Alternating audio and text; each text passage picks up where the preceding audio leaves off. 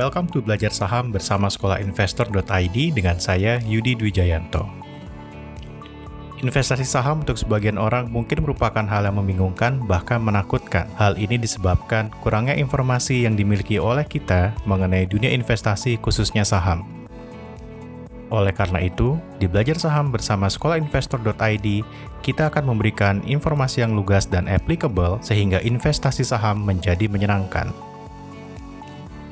Dalam beberapa episode ke depan, kita akan membicarakan beberapa trading rules yang sudah terbukti yang dapat membuat trading saham kita menjadi stress-free dan menyenangkan. So let's get started. Di episode sebelumnya, kita sudah membahas rules yang ke-11, yaitu be confident with your trade. Untuk pendengar yang belum mendengarkan episode tersebut, bisa langsung meluncur ke episode Trading Rule 11, Be Confident with Your Trade.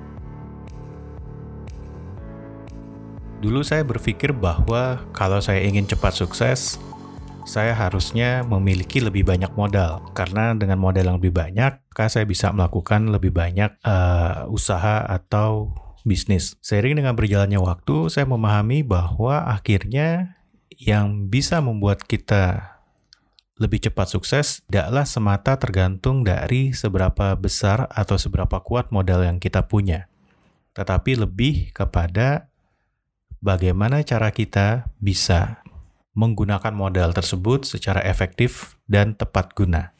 Hal ini juga berlaku dalam trading saham. Oleh karena itu, kita akan membahas rules yang ke-12, effective money management. Setiap orang tentunya memiliki kemampuan yang berbeda-beda dan juga sumber daya yang berbeda-beda. Begitu juga buat kita dalam trading saham. Ada trader yang memiliki kemampuan finansial yang sangat besar sehingga dia memiliki keleluasaan untuk uh, dapat mengatur atau mengalokasikan dana yang dia punya sehingga dia bisa dapat membeli beberapa emiten dalam jumlah yang besar pula. Ada juga trader yang memang dananya hanya terbatas.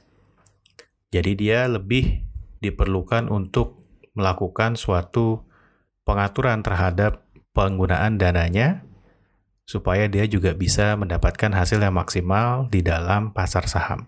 Sebagian orang mungkin berpikir bahwa trader dengan modal yang besar pasti akan lebih dapat menjadi trader yang sukses dibandingkan dengan trader yang memiliki modal yang kecil. Sebenarnya pandangan semacam itu adalah pandangan yang keliru menurut saya.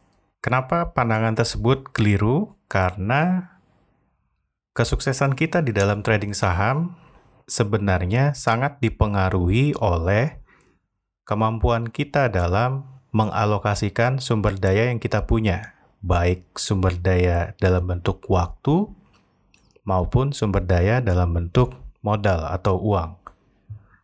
Jadi, kalau seandainya seorang trader dia memiliki modal yang sangat besar untuk melakukan trading, tetapi dia tidak dapat mengalokasikan sumber daya tersebut secara baik, maka dia juga tidak akan menjadi seorang trader yang sukses.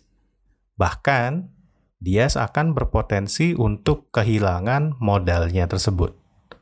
Oleh karena itu, titik fokusnya adalah bukan di seberapa besar modal yang kita miliki di awalnya, tetapi bagaimana caranya kita bisa memanage modal tersebut untuk bisa selalu tumbuh dan berkembang sehingga kita bisa mencapai tujuan dari trading yang sudah kita tetapkan. Bicara mengenai effective money management dalam trading saham, tentunya harus dimulai dari pemahaman si trader atas resiko-resiko yang mungkin akan timbul dalam kegiatan trading saham tersebut dimulai dari memahami profil resiko dari si trader itu sendiri. Dia harus bisa mengidentifikasikan seberapa fleksibel dia terhadap suatu resiko yang akan dia hadapi di dalam trading saham. Lalu dia juga harus memahami profil resiko dari pasar saham dan juga emiten yang akan dia pilih untuk dia beli. Dia harus bisa paham resiko-resiko apa saja yang mungkin terjadi atas kesalahan analisanya dia atau kesalahan timing untuk pembelian suatu emiten atau bahkan kesalahan pemilihan emiten dari awal. Dia harus memahami bahwa kegiatan investasi, apalagi di pasar saham, pasti akan memiliki suatu resiko yang dia harus hadapi. Dengan memiliki pemahaman bahwa kegiatannya di dalam trading di pasar saham memiliki resiko dan juga dia memahami bahwa dirinya sendiri juga memiliki suatu sudut pandang tertentu terhadap resiko yang akan dihadapinya, dia akan dapat membuat suatu perencanaan dalam memanage modal yang dia miliki sebelum dia melakukan trading saham. Dengan mempertimbangkan resiko-resiko yang mungkin dia akan hadapi dalam trading saham, maka si trader kemudian harus membuat suatu trading budget atau perencanaan penggunaan modal sebelum dia memasuki suatu posisi di dalam pasar saham. Trading trading budget ini harus dibuat sedemikian rupa sehingga si trader ini akan memiliki budget yang cukup atau modal yang cukup untuk menjamin atau mengcover kegiatannya dia dalam satu kali trading. Jadi kalau seandainya si trader itu dia punya modal awal sekitar 10 juta. Dalam trading budgetnya, dia harus bisa membuat suatu pos yang isinya adalah alokasi berapa persen dari 10 juta tersebut yang akan digunakan untuk membeli emiten, lalu alokasi berapa persen dari 10 juta tersebut yang akan dia gunakan sebagai escape plan atau exit plan apabila analisa pertamanya dia terhadap pembelian emiten yang sudah direncanakan itu tidak berjalan maksimal. Jadi istilahnya dia punya uh, suatu budget untuk melakukan strategi averaging down kalau seandainya dia membeli di harga yang salah. Jadi pemahaman secara simpelnya adalah kita nggak pakai uang kita yang 10 juta tadi langsung kita beliin saham semuanya. 10-10 jutanya kita beliin saham semua. Tapi kita ambil kira-kira mungkin sekitar 20% atau 10% terlebih dahulu untuk pembelian saham di awal, lalu sisanya kita gunakan sesuai dengan strategi yang akan kita rancang terhadap pembelian awal kita tadi.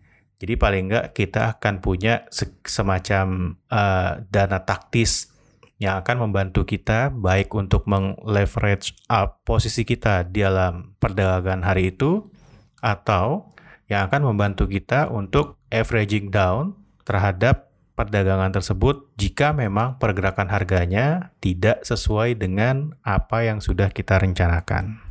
Bicara tentang effective money management, menurut saya tidaklah cukup hanya dengan melakukan apa yang sudah diutarakan sebelumnya, yaitu kita membagi uh, modal yang kita punya ke dalam beberapa pos.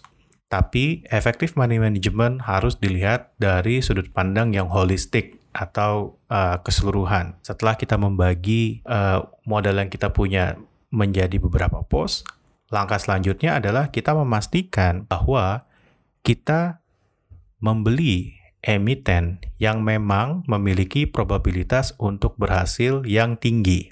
Lalu kita juga harus bisa memanage trading tersebut. Kita juga harus bisa menentukan kira-kira kita harus beli berapa banyak emiten dalam satu kali trading supaya budget yang kita miliki itu bisa menghasilkan uh, return yang maksimal atau supaya kita tidak kewalahan pada saat nanti ternyata terjadi sesuatu dalam pergerakan harga saham di mana harga tersebut tidak bergerak sesuai dengan apa yang sudah kita perkirakan. Pemilihan emiten itu juga akan memainkan peranan yang sangat penting dalam efektif money management, apalagi dalam perspektif memanage resiko supaya modal kita tidak hilang atau supaya keuntungan kita juga tidak hilang. Oleh karena itu, sangat disarankan untuk melakukan diversifikasi terhadap portofolio saham kita. Jadi, trader yang bijak dalam melakukan money management, dia tidak akan memasukkan seluruh uangnya terhadap satu jenis emiten. Dia akan mencoba untuk memecah resiko yang dia akan hadapi ke dalam beberapa tempat. Itu yang namanya diversifikasi.